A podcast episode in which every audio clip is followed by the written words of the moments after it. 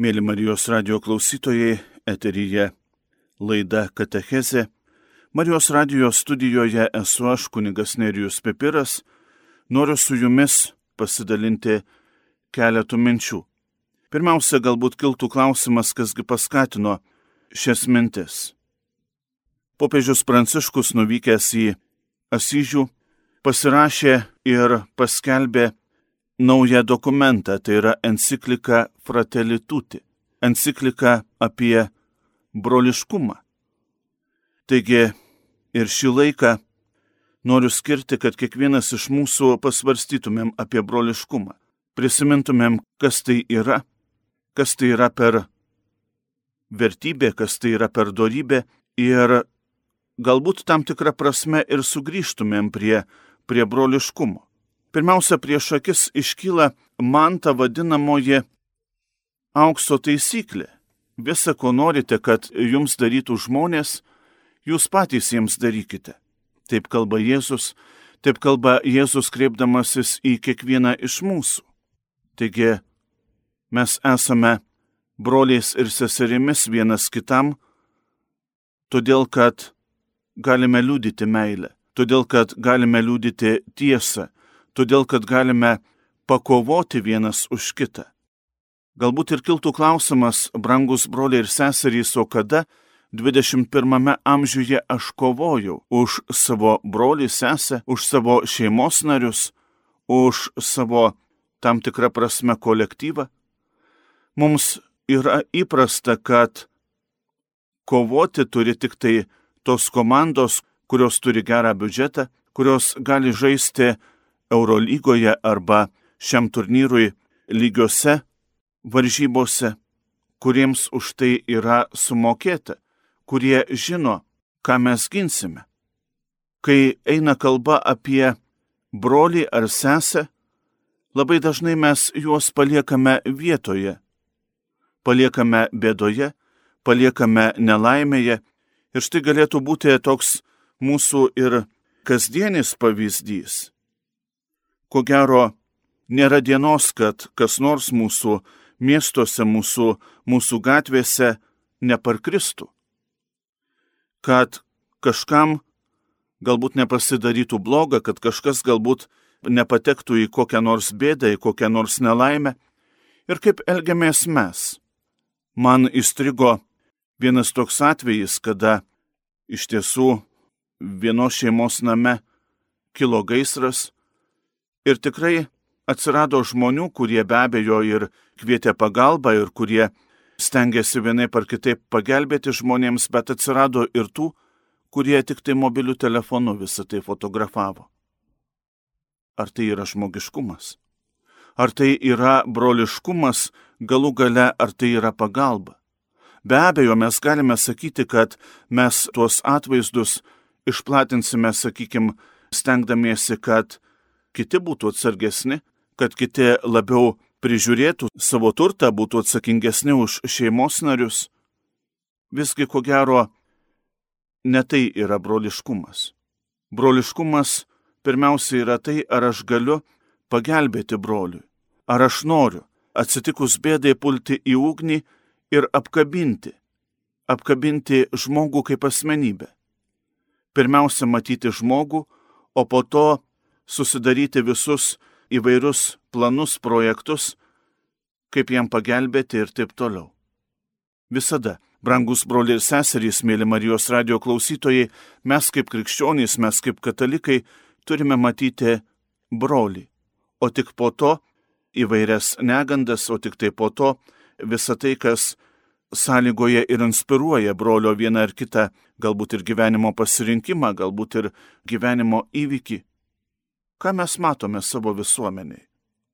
Taigi, iš tiesų, mėly Marijos radio klausytojai, norėtųsi priminti, kad prie broliškumo, prie paprastumo mes turime sugrįžti. Ir turime sugrįžti labai iš tiesų paprastai. Nesinaudodami informacinėmis technologijomis, nesinaudodami kokiais nors socialiniais tinklais, bet prie broliškumo mes turime sugrįžti savo širdimis. Štai pirmaisiais bažnyčios amžiais pagonys kalbėjo apie krikščionis, sakydami štai, kaip jie vienas kitą myli. Tačiau ar šiandien mes mylime vienas kitą? Ar ta meilė nėra įsigimusi? Brangus broliai seserys atsakymo į šį klausimą truputėlį prisibijau. Truputėlį prisibijau matydamas ir tam tikras tendencijas mūsų senajame žemynė, mūsų Europoje, kada žmonės vis labiau nusisuka nuo krikščioniškų vertybių, kada mano, jog krikščioniškumas, krikščioniškos vertybės yra atgyvena, kad visa tai yra neaktualu, kad viso to mes turime laikytis tik tai dėl istorijos išmanimo, bet tikrai ne. Norisi viltis, brangus broliai ir seserys, kad vertybės jos nebus pamirštos, o vertybių pagrindas pirmiausia yra žmogiškumas. Pirmiausia ir yra ta, ta taisyklė, ko norime, kad žmonės mums darytų, mes pirmiausia turime jiems daryti. Taigi ir jeigu kiltų klausimas, nuo kurgi prasideda tas žmogiškumas, turėtume atsakyti, kad žmogiškumas pirmiausia prasideda nuo mūsų. Nuo mūsų intencijos, nuo mūsų troškimo, nuo mūsų išėjimo iš savęs. Popiežius Pranciškus daugybę kartų bažnyčia ragina išeiti. Išeiti iš saugios komforto zonos ir eiti į netrastas teritorijas. Ir eiti į užmirštas teritorijas. Šiandien ta užmirštoji teritorija ir yra broliškumas. Ir yra iš naujo to žmogiškumo atradimas ir išgyvenimas. Taigi iš tiesų pakilti nuo sofos turime būtent mes. Ir tą žmogiškumą liudyti turime būtent mes. Šito tikrai neišmokys jokie valstybės įstatymai, jokie valstybės draudimai ar netgi privilegijos. Jos visuomet liks tuščia raide, jeigu nemylėsime širdimi.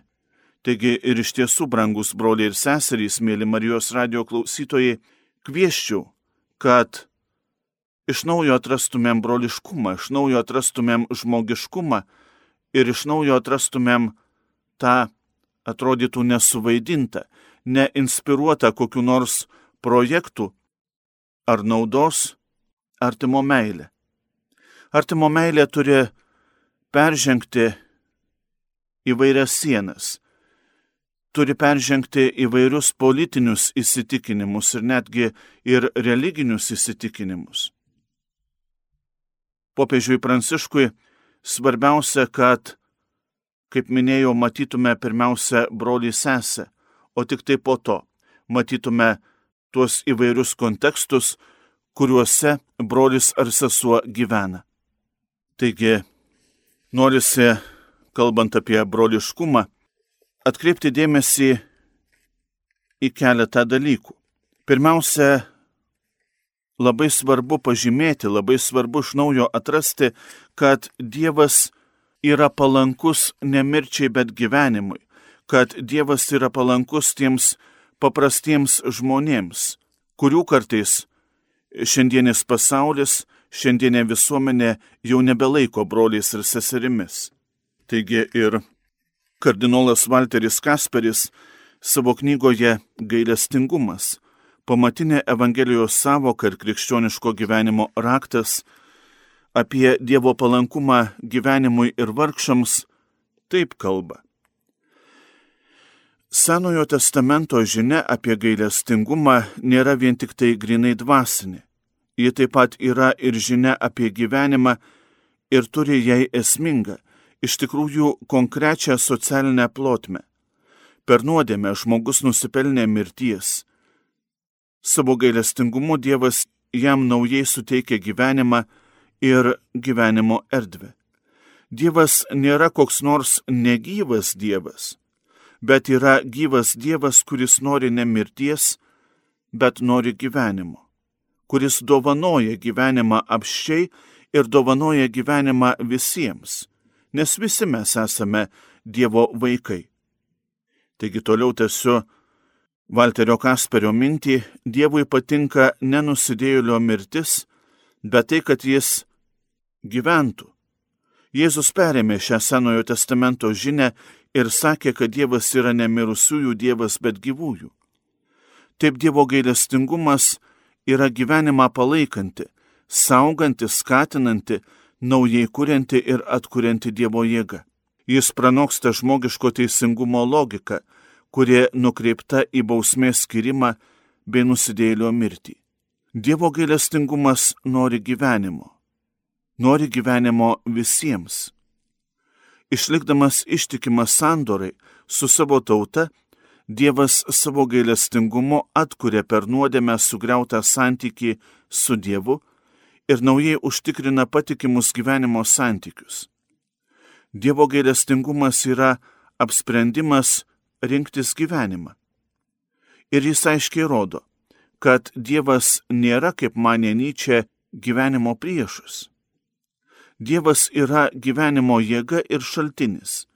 Jis yra mūsų visų draugas. Galime sakyti, jis yra gyvenimo draugas. Ypatingų palankumu Dievas apdovanoja silpnuosius ir vargstančiuosius. Nereikia pamiršti, kad ir silpnieji bei vargstantieji yra mūsų broliai ar seserys, į kuriuos mes labai dažnai nekreipiame dėmesio. Izraelis turėjo atminti savo vargus Egipte ir kad Dievas iškeltą ranką jį išvedė ir išgelbėjo. Šalyje, kaip mini kardinolas Malteris Kasperis, vargšai ir silpnieriai buvo apgaubti ypatinga Dievo meilė ir rūpeščių. Tai liudija draudimas senkti ir išnaudoti svetimtaučius, našlės ir našlaičius, vargšų gynimas teisme, draudimas lupikauti. Kunigų knyga pateikia savus socialinius įstatymus, tačiau Dievas apverčia normalią socialinę hierarchiją. Štai pavyzdžiui, Onos padėkos giesmėje, kuri yra Naujojo testamento Marijos Magnificat pirmavaizdis, sakoma, jis ištraukia vargšą iš dulkių, pakelia skurdžių iš šiukšlyno, pasodina jį su didžiūnais, suteikia jam garbingą paveldo sostą. Ypač atkreiptinas dėmesys į šabo įstatymą, kuris ir vergams, ir svetimtaučiams turi užtikrinti ramybės ir atokvėpio dieną, ir į kas septynerius metus atsikartojančius šabo metus, kai laukai dėl vargšų paliekami pūdimauti, o vergams turi būti suteikta laisvė. Panašiai yra ir su jubiliejiniais metais, kai po 49 metų, kas septynės metų savaitės, tai yra septynis kart septyneri metai, visa įgyta žemės nuosavybė turi būti sugražinta, laukai nebedirbami, nebenuimamas vynoginų derlius ir visiems turi būti suteikta laisvė. Net jeigu šios paskutinės nuostatos greičiausiai niekada nebuvo laikomasi, vis tik joje juntama Dievo tautos, kuriai žemė duota bendrai naudoti solidarumo idėja. Pakartoto įstatymo knyga išvystė koncepciją tautos, kurioje neturėtų būti vargšų ir atstumtųjų, ir pateikė detalius nurodymus, kaip elgtis su našlėmis ir našlaičiais, svetimšaliais ir vergais, ir įpareigojimą mokėti dešimtinę vargšų, svetimšalių našlaičių ir našlių naudai. Dievo rūpinimasis vargšais ir jo palankumas jiems itin pabrėžiamas pranašų žinioje. Pranašas Amonas griežtais žodžiais smerkia išnaudojimą, teisės iškraipimą, priespaudą, kritikuoja lengvų gyvenimų besimėgaujančią aukštuomenę ir vietoje svaiginančių švenčių ir deginamųjų aukų reikalauja teisės ir teisingumo kaip tikros aukos Dievui. Ezekielis, Michėjas, Zacharijas kalba panašiai, tačiau jie negaili ir padrasinimo žodžių vargšams, kurie kitaip negu kitų dievybių atveju Izraelio Dievo yra išklausomi, randa prieglopsti, pasigailėjimą, teisę ir paguodą. Pranašų knygose taip pat nuolat randame maldaujančius prašymus, meldžiant Dievo pasigailėjimo ne išdidiesiems ir galingiesiems, bet vargšams galioja pažadas. Mesijas yra pasiūstas pas vargšus ir mažuosius, kad atneštų jiems džiaugsmingą naujieną. Taigi, kaip sako kardinolas Walteris Kasperis, galime visiškai pagristai tvirtinti, kad pranašų mokyme yra paliudytas palankumas vargšams, bejėgiams mažutėlėms. Beveik norėtųsi kalbėti apie naujos socialinės tvarkos utopiją. Tačiau žodis utopija čia būtų pavartotas ne vietoje, juk čia kalbama ne apie žmogiškąjį projektą, čia kalbama apie Dievo išganingą valią ir apie ateities pažadą. Taigi, mėly Marijos radio klausytojai, ilgoka ištrauka iš kardinolo Walterio Kasperio knygos Gailestingumas pamatinė Evangelijos savoka ir krikščioniškojo gyvenimo raktas. Kardinolas Walteris Kasperis visam pasauliui primena, kad Dievui yra svarbus kiekvienas žmogus, kad Dievas kiekvieno išklauso, kiekvienas gali rasti prieglopstį, pasigailėjimą, teisę ir paguodą. Taigi visi mes esame lygus prieš Dievą, visi mes esame tarsi broliai ar seserys. Čia šioje vietoje norisi prisiminti ir tą Evangelijos ištrauką, kai Jėzui buvo pranešta, kad jo giminaičiai stovi laukia ir nori su juo pasimatyti, ir jis atsakė pranešusiam klausimu, o kasgi yra mano giminaičiai, kasgi yra mano motina ir broliai. Tai kiekvienas, kuris klausosi Dievo žodžio ir jį vykdo. Štai, brangiai, tas kilnusis broliškumas. Tai yra Evangelija. Klausyti Evangelijos ir ją vykdyti. Štai ta jungtis, kuri kiekvieną iš mūsų jungia į bendrą Dievo šeimą. Taigi, galima sakyti apibendrinant, kad gyvename tiek, kiek klausomės, kiek klausomės Dievo žodžio, kiek jis man yra centras Ir tuomet ne tik tai mes esame broliai seserys vienas su kitu, bet kartu mes tampame ir paties Dievo giminaičiais. Nes mums yra atskleista viskas. Mums yra atskleistos tos didžiosios paslaptys. Didžiosios paslaptys būti arti Dievo. O arti Dievo būti yra iš tiesų gera.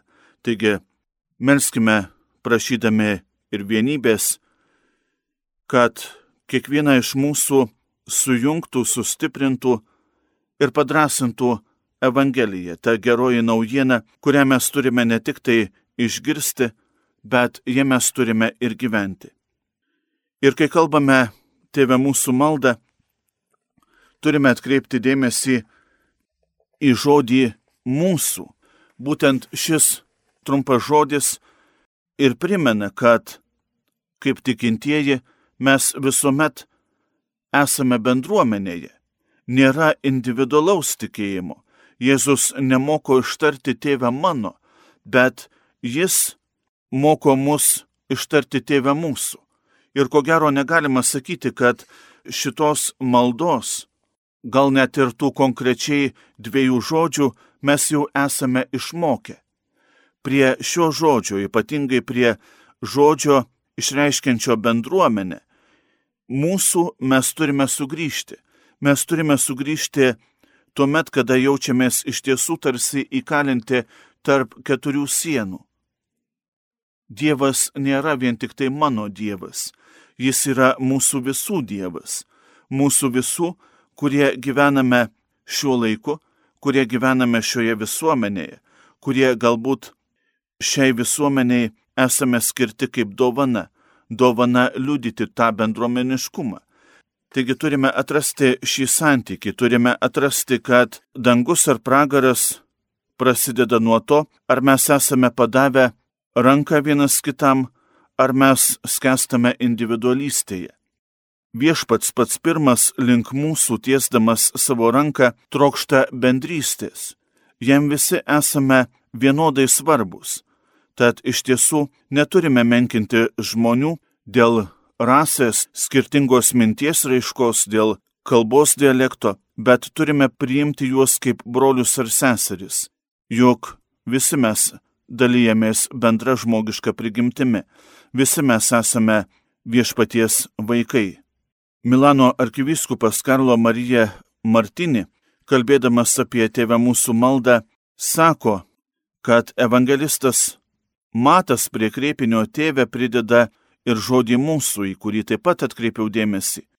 Taip pabrėždamas, kad tai bendruomeninė malda. Tai yra Dievo sūnų, pakrikštytųjų ir galime pridurti visų Dievo vaikų, kuriuos Karlas Raneris vadina anoniminiais krikščionimis ir be abejo šis teiginys vis aktualėja ypatingai šiais laikais vardu nes vadovaudamiesi savo sąžinę, meilės malonėje, jie iš tikrųjų yra vaikai, net jei nepažįsta Jėzaus. Taip šaukiamės tėvo kartu su daugybė žmonių pasklidusių visame pasaulyje. Vadindami Dievą mūsų, teigiame, kad Dievas yra tėvas visiems tiems, už kuriuos mes atsakome. Pagaliau jis yra visų žmonių tėvas, nes visi yra pašaukti Dievo vaikais. Ir sakydami tėvą mūsų jaučiamės artimi visiems. Kad ir kokia būtų egzistencinė jų, tų, kurie gyvena kartu su mumis ir šalia mūsų būsena. Tad nepamirškime melzdamiesi tėvę mūsų maldą visus apglėpti. Malda turi įsiplėsti turi įsiplėsti iki pat pasaulio pakraščių, jie mes turime, kaip minėjau, apkabinti visus, nes visi mes esame dangiškojo tėvo vaikais.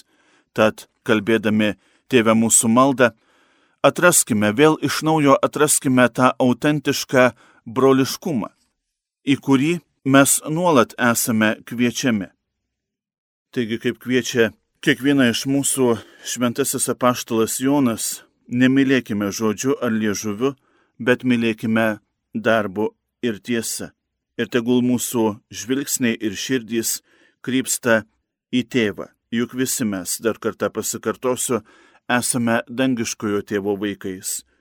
Ir tegul 21 amžius būna mums iš tikro broliškumo atradimo amžius. Štai kaip jie vienas kitu rūpinasi. Tad taip sakė pagonys pirmaisiais bažnyčios gyvenimo amžiais, taip tegul iš tiesų, tegul šie žodžiai lydi ir kiekvieną iš mūsų, kai reikės liudyti, kad tas, kuris yra šalia manęs, tas, kuris gyvena šalia manęs, yra man tik brolis ar sesuo. Ir netgi man yra brolis ar sesuo, su kuriuo aš kartu žvelgiu į dangų, su kuriuo aš kartu atsiduodu dangiškajam tėvui ir kurį aš galiu dangiškajam tėvui padovanoti, dėkodamas už broliškumo malonę. Taigi, brangus broliai ir seserys, mėly Marijos radio klausytojai, apie tai, kas yra broliškumas ir kodėl mes turime prie broliškumo kaip pamatinės mūsų krikščioniškojo tikėjimo ir krikščioniškojo gyvenimo tiesos sugrįžti, mintimis dalyjausi aš kunigas Nerijus Pipiras.